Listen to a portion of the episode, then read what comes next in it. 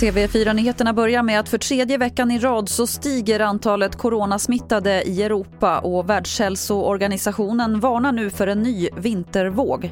I flera östländer skjuter smittetalen skarpt uppåt på grund av låga vaccinationstal, men också kallare väder och lättade restriktioner.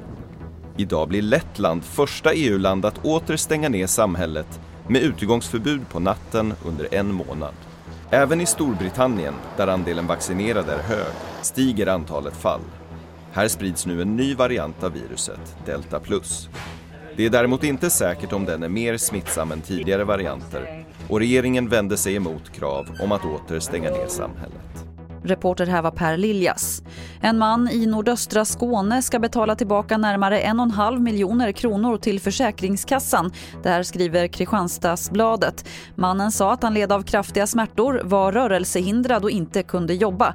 Men det visade sig att han bland annat startat ett eget företag och haft ett annat jobb under tiden han fick sjukersättning. Och till sist kan vi berätta att Donald Trump nu släpper sin egen sociala medieplattform som heter Truth Social. Enligt Trump ska den utmana Twitter och Facebook som ju har blockat honom.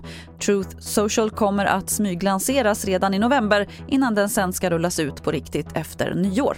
Fler nyheter det hittar du på tv4.se. Jag heter Lotta Wall.